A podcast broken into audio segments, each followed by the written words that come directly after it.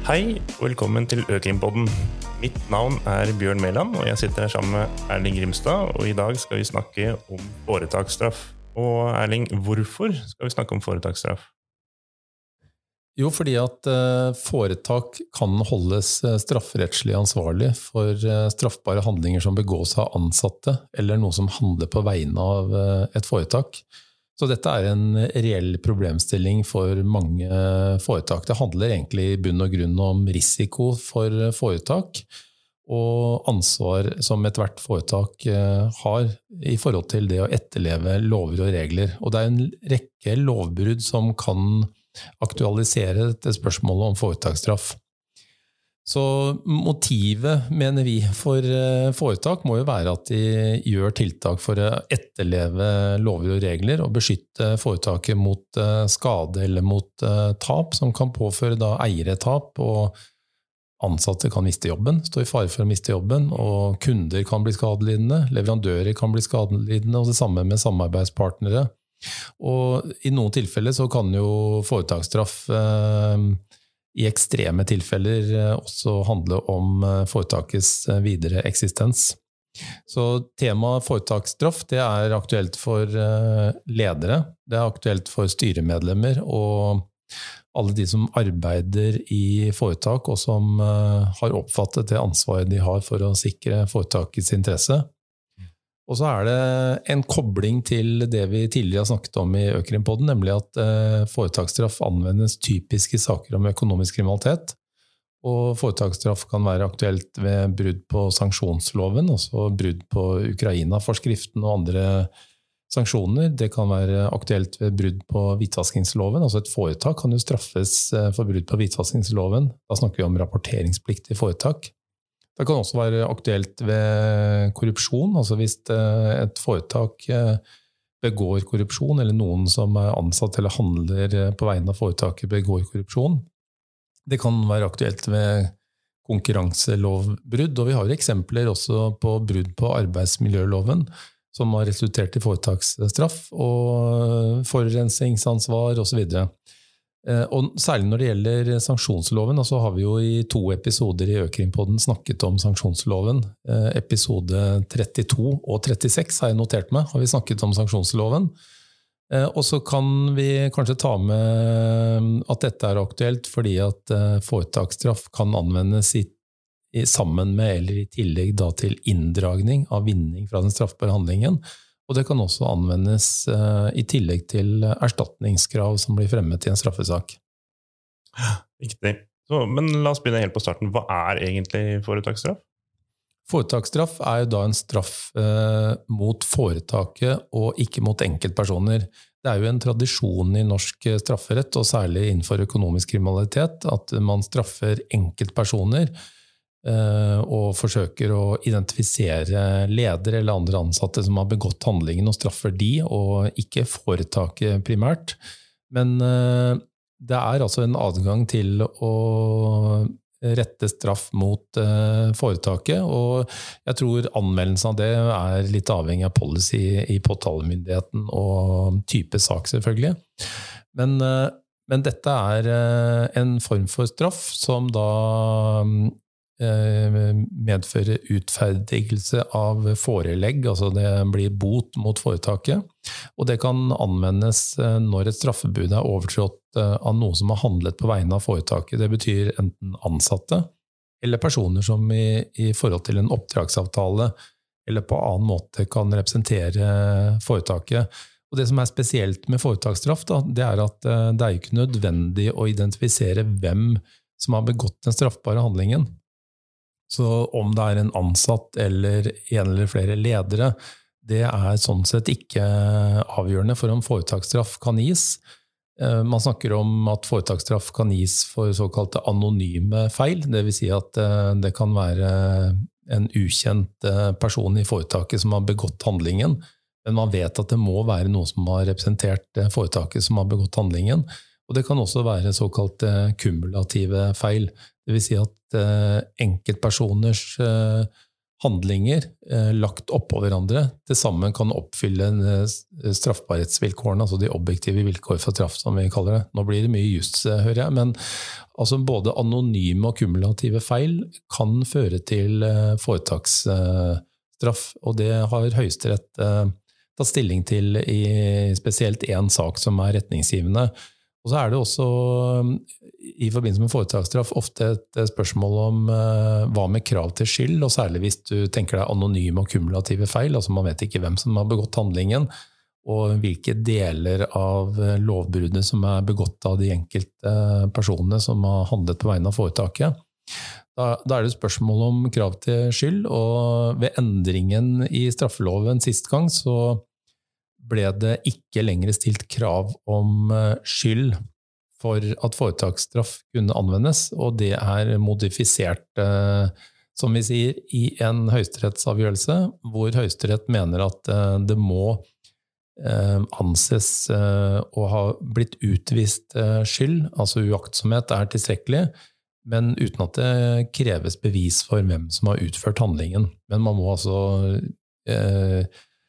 legge til sammen og se eh, saken i sin helhet og finne ut at jo, noen må ha utvist skyld for at uh, det kan være aktuelt med foretaksstraff. Så dette med um, lovgivers krav om at det ikke skal ha vært utvist skyld, det er også modifisert av Høyesterett, og det handler om våre forpliktelser etter europeisk menneskerettighetskonvensjon osv. Hvilke forutsetninger må være oppfylt da for at uh, foretaksstraff uh, skal komme til anvendelse, og at det kan være aktuelt å bruke det? Ja, Det må, må, i hvert fall være to helt grunnleggende forutsetninger til stede. Det ene er at det må ha vært begått en straffbar handling, altså objektivt sett. Eh, de objektive vilkår som fremgår av lovteksten, må være overtrådt.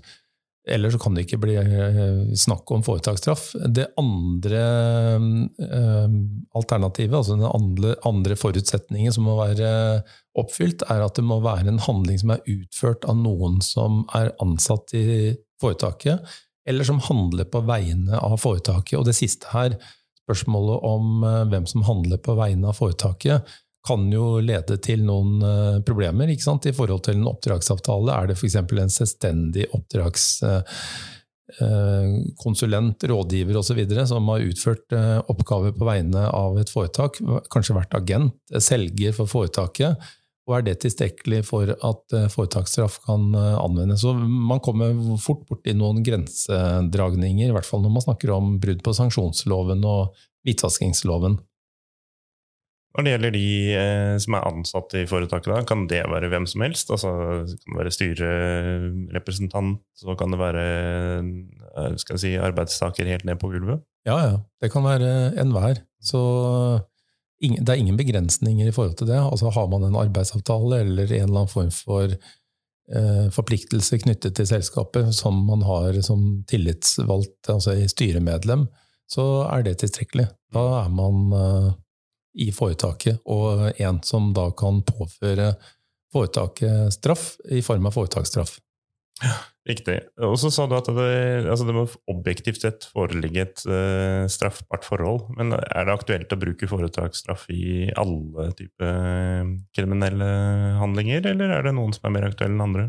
Altså det, eh, det, er eh, litt uklart eh, i hvilke tilfeller det kan anvendes, men vi har jo sett foretaksstraff anvendt typisk i økonomiske straffesaker. Det, det, er kanskje det typiske området man tenker foretaksstraff, men vi har også sett at foretaksstraff er anvendt f.eks. For, for en kommune som fikk en bot, altså foretaksstraff, for brudd på arbeidsmiljølovens eh, bestemmelser. Og det var en kommune som hadde gjort seg skyldig i gjengjeldelse overfor en varsler. Altså det var en ansatt i kommunen som hadde varslet, og vedkommende ble frosset ut på arbeidsplassen, ble neglisjert, fikk endret arbeidsoppgaver, eh, ble trakassert av andre kollegaer. Og da var det ikke de kollegaene som fikk en reaksjon, men foretaket, altså kommunen, fikk en reaksjon. Eh, etter bestemmelsen om foretaksstraff fordi at de ikke hadde oppfylt eh, kravet i arbeidsmiljøloven og eh, brutt av straffebestemmelser i arbeidsmiljøloven. som eh, eh, krav til psykososialt arbeidsmiljø som de hadde forbrutt seg mot. Så Det er et eksempel på en sak. Vi har også saker som gjelder alvorlige ulykker. Bane NOR-saken, der eh, Bane NOR ikke hadde satt opp tilstrekkelig gjerde, og en, person ble påkjørt og drept, eh, er et eksempel. Eh, vi har også saker om forurensing, forurensning, og vi har selvfølgelig saker om korrupsjon, og også konkurranselovbrudd, eh, som eh, i rettspraksis har gitt eh, foretaksstraff. Riktig. Hvem er det som beslutter foretaksstraff, da? Hvordan er den prosessen når et foretak får et foretaksstraff? Altså det, dette er jo en beslutning som er basert på skjønn langt på vei av påtalemyndigheten. Så påtalemyndigheten har jo mulighet til å bestemme om det skal ilegges da foretaksstraff, eh, og da utferdiger påtalemyndigheten et forelegg. Eh, og det er en kan-bestemmelse for påtalemyndigheten, så selv om eh, påtalemyndigheten finner at vilkårene for foretaksstraff er oppfylt, så er det ikke noe krav om at det skal utstedes et forelegg. Så dette er innenfor påtalemyndighetens skjønn. Og hvis forelegget som er utstedt av påtalemyndigheten, ikke aksepteres av foretaket, så går saken til domstolen. Og da erstatter forelegget en tiltale, og da blir forelegget omtrent som en tiltalebeslutning. Og da blir det full prøving av bevis og om vilkårene er til stede. Og da blir det en full rettsprosess i, i uh, domstolen, som selvfølgelig også kan ankes videre. Riktig. Du sa at det var en kan-bestemmelse. Altså, eh, hvilke momenter skal eh, påtalemyndigheten legge vekt på, og hvordan gjør de dette i praksis? Altså, eh, de, de, står jo ikke helt fritt. Loven, altså Straffeloven har jo bestemmelser om foretaksstraff som sier noe om hva som er momentene som skal inngå i en vurdering av om foretaksstraff skal anvendes. Og de momentene, for å ta i hvert fall de aller viktigste momentene i en rekkefølge, da, så gjelder det spørsmålet om eh, hensynet til straffens preventive virkning. Altså hvis påtalemyndigheten mener at foretaksstraff vil virke forebyggende eh, og hindre at andre begår samme type handling, altså at det har en preventiv effekt, så kan det være et hensyn som taler for at påtalemyndigheten utsteder forelegg eh, for foretaksstraff. Et annet moment er eh, lovbruddets grovhet. Eh, og om noen som har handlet på vegne av foretaket, ansatte eller andre, som pga. oppdragsavtale har handlet på vegne av foretaket, har utvist eh, skyld, altså subjektiv skyld, det er et element. Men det er altså ikke noe krav om at, at det er utvist skyld med den modifiseringen som jeg nettopp fortalte. Eh, og så kan det også være eh, et moment om foretaket gjennom retningslinjer, instruksjon, opplæring, kontroll eller andre tiltak kunne ha forebygget lovbrudd. Og det syns jeg er veldig interessant, for det, det her kan vi liksom dvele litt ved det momentet. For dette er jo virkelig et moment som styre og ledelse i foretak kan gjøre noe med. Eh, vi jobber jo selv med god virksomhetsstyring og compliance-tiltak. og rammeverk eh, på ulike områder. og det er jo åpenbart, hvis man tenker seg brudd på sanksjonsloven f.eks., for at foretaket kan beskytte seg mot eh, risikoen for foretaksstraff ved å gjennomføre en rekke elementer, sånn som å ha gjort en risikovurdering. Hva er risikoen for at vi som foretak skal kunne bryte sanksjonsloven, Ukraina-forskriften eller andre kompliserte regler under sanksjonsloven? Eh, og når risikovurderingen er gjort, så kan man jo ut ifra det identifisere tiltak som må gjennomføres, sånn som f.eks. å utarbeide tydelige retningslinjer, krav til ansatte og andre som utfører handlinger på vegne av foretaket. Man kan eh, engasjere styret, så å si, og øverste ledelse, og gjøre de oppmerksom på at dette er noe som er eh, risikofylt for virksomheten, og styret må følge med. Det betyr rapportering opp til styret om avvik og også tiltak styret kan iverksette for å sikre at uh, selskapet gjør riktige vurderinger.